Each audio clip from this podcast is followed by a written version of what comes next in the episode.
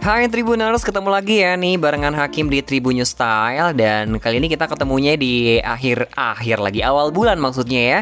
Di tanggal 1 Desember 2021 Jadi ini artinya kurang lebih satu bulan lagi, 30 hari ya. 30 hari atau berapa sih? Bentar gue intip dulu ya.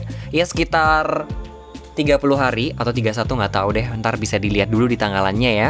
Kita bakal masuki tahun baru 2022 dan biasanya di akhir tahun tugas kita itu untuk membuat resolusi. Kayak mengevaluasi satu tahun kemarin dan bikin resolusi yang baru untuk tahun berikutnya kalau misalnya Tribuners masih bingung gimana sih cara bikin resolusi tahun baru yang baik, yang benar, terus hal-hal apa saja sih yang harus dilakukan, sekarang Hakim pengen berbagi ke kamu tentang bagaimana sih caranya kita untuk membuat resolusi tahun baru, terutama besok ya di tahun 2022.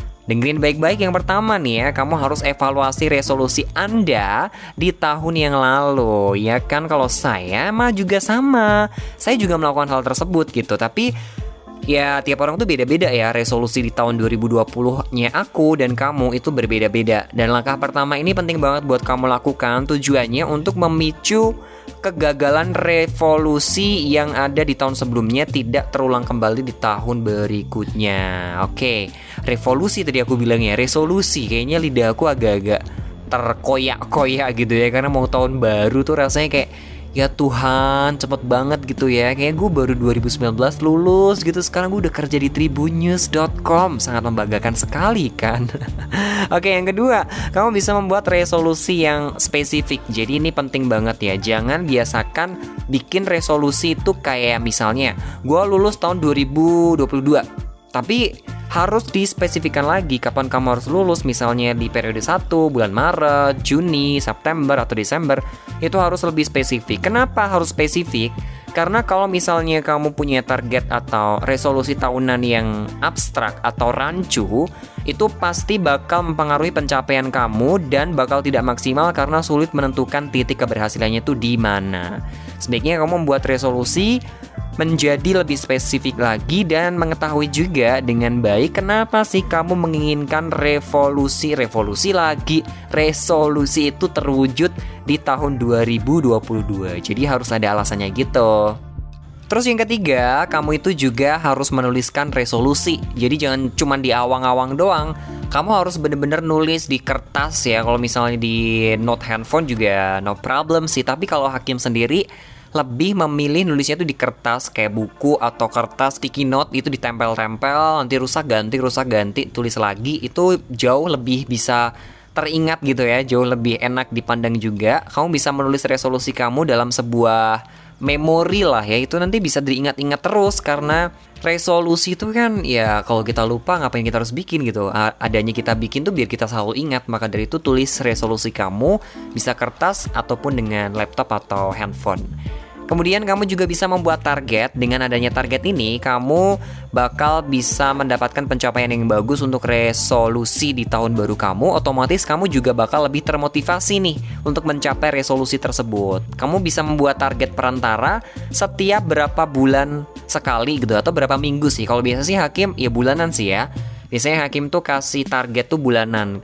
Kalau misalnya Hakim pengen misalnya ya, pengen lulus di tahun 2022 Berarti aku harus bisa ngerjain skripsi selesai bulan ini Sidang bulan ini Terus wisuda bulan ini tuh harus tertargetkan gitu loh. Harus lebih spesifik dan juga punya target yang spesifik juga. Terus yang kemudian berikutnya nih ya Kamu juga harus punya komitmen. Jadi komitmen itu emang susah ya kan ya. Kamu harus istiqomah dengan resolusi tahun baru kamu itu tadi. Kalau misalnya kamu tidak punya komitmen nanti bisa-bisa kamu misalnya pengen lulus di bulan ini tahun 2022 tiba-tiba kamu nggak konsisten dengan target kamu nggak komitmen juga nanti bisa mundur kan jadi rugi banget gitu. Pernah sih aku ngerasain kayak gini juga tapi jangan pernah sampai terulang karena yang kembali yang pertama tadi kita harus mengevaluasi dulu yang kemarin biar tidak terulang di tahun berikutnya Kemudian kamu juga harus punya support system yang baik di sekitar kamu, like your family, your friends, girlfriend, boyfriend, or everything, everyone yang bisa support you every time ketika kamu down, up and down itu kan pasti ya maklum lah ya manusia. Tapi kamu harus pegang kata-kata hakim ya. Kalau kamu harus punya support system yang baik. Kamu pulang ke rumah, uh, tell with your families, your sister or brother kalau misalnya kamu lagi di luar kamu bisa cerita sama geng kamu ya. Teman-teman nongkrong kamu sambil berdiskusi tentang resolusi kamu juga. Berikutnya kamu bisa mencatat keberhasilan. Kalau udah kita catat rencana kita atau resolusi kita di tahun 2022 kita juga harus mencatat kalau itu sudah tercapai kita catat nih kalau belum ya udah kita biarin aja atau kita percantik tulisannya biar kita lebih semangat lagi dan yang terakhir kamu bisa kasih reward kepada diri kamu kalau misalnya resolusi 2022 itu nanti sudah tercapai satu persatu. For the example, kalau misalnya gue udah lulus, gue pengen traveling di seluruh Indonesia. Gue pengen coba gunung-gunung besar di Indonesia. Gue pengen belanja sepuas mungkin. Gue harus nabung, gue harus bahagiain orang tua gue and everything. Itu bebas karena setiap orang tuh punya tingkat kebahagiaannya itu beda-beda gitu loh. Jadi nggak bisa disamakan antara bahagianya aku dengan kamu. Itu so very different because ya aku adalah aku, kamu adalah kamu gitu. Jadi ini buat pengingat kita juga, Tribuners, kalau misalnya kamu punya resolusi dan udah tercapai juga, udah tercapai maksudnya ya, udah capek gimana sih? Kita nggak boleh capek menggapai resolusi kita ya, tercapai maksud hakim. Jadi harus semangat dan yang paling penting dari diri kamu sendiri karena kalau kamu tidak punya semangat untuk menggapai your resolution, itu bakal jadi gagal total sih. Jadi semangat aja, hakim cuma bisa nyemangatin, kita sama-sama menyemangatin.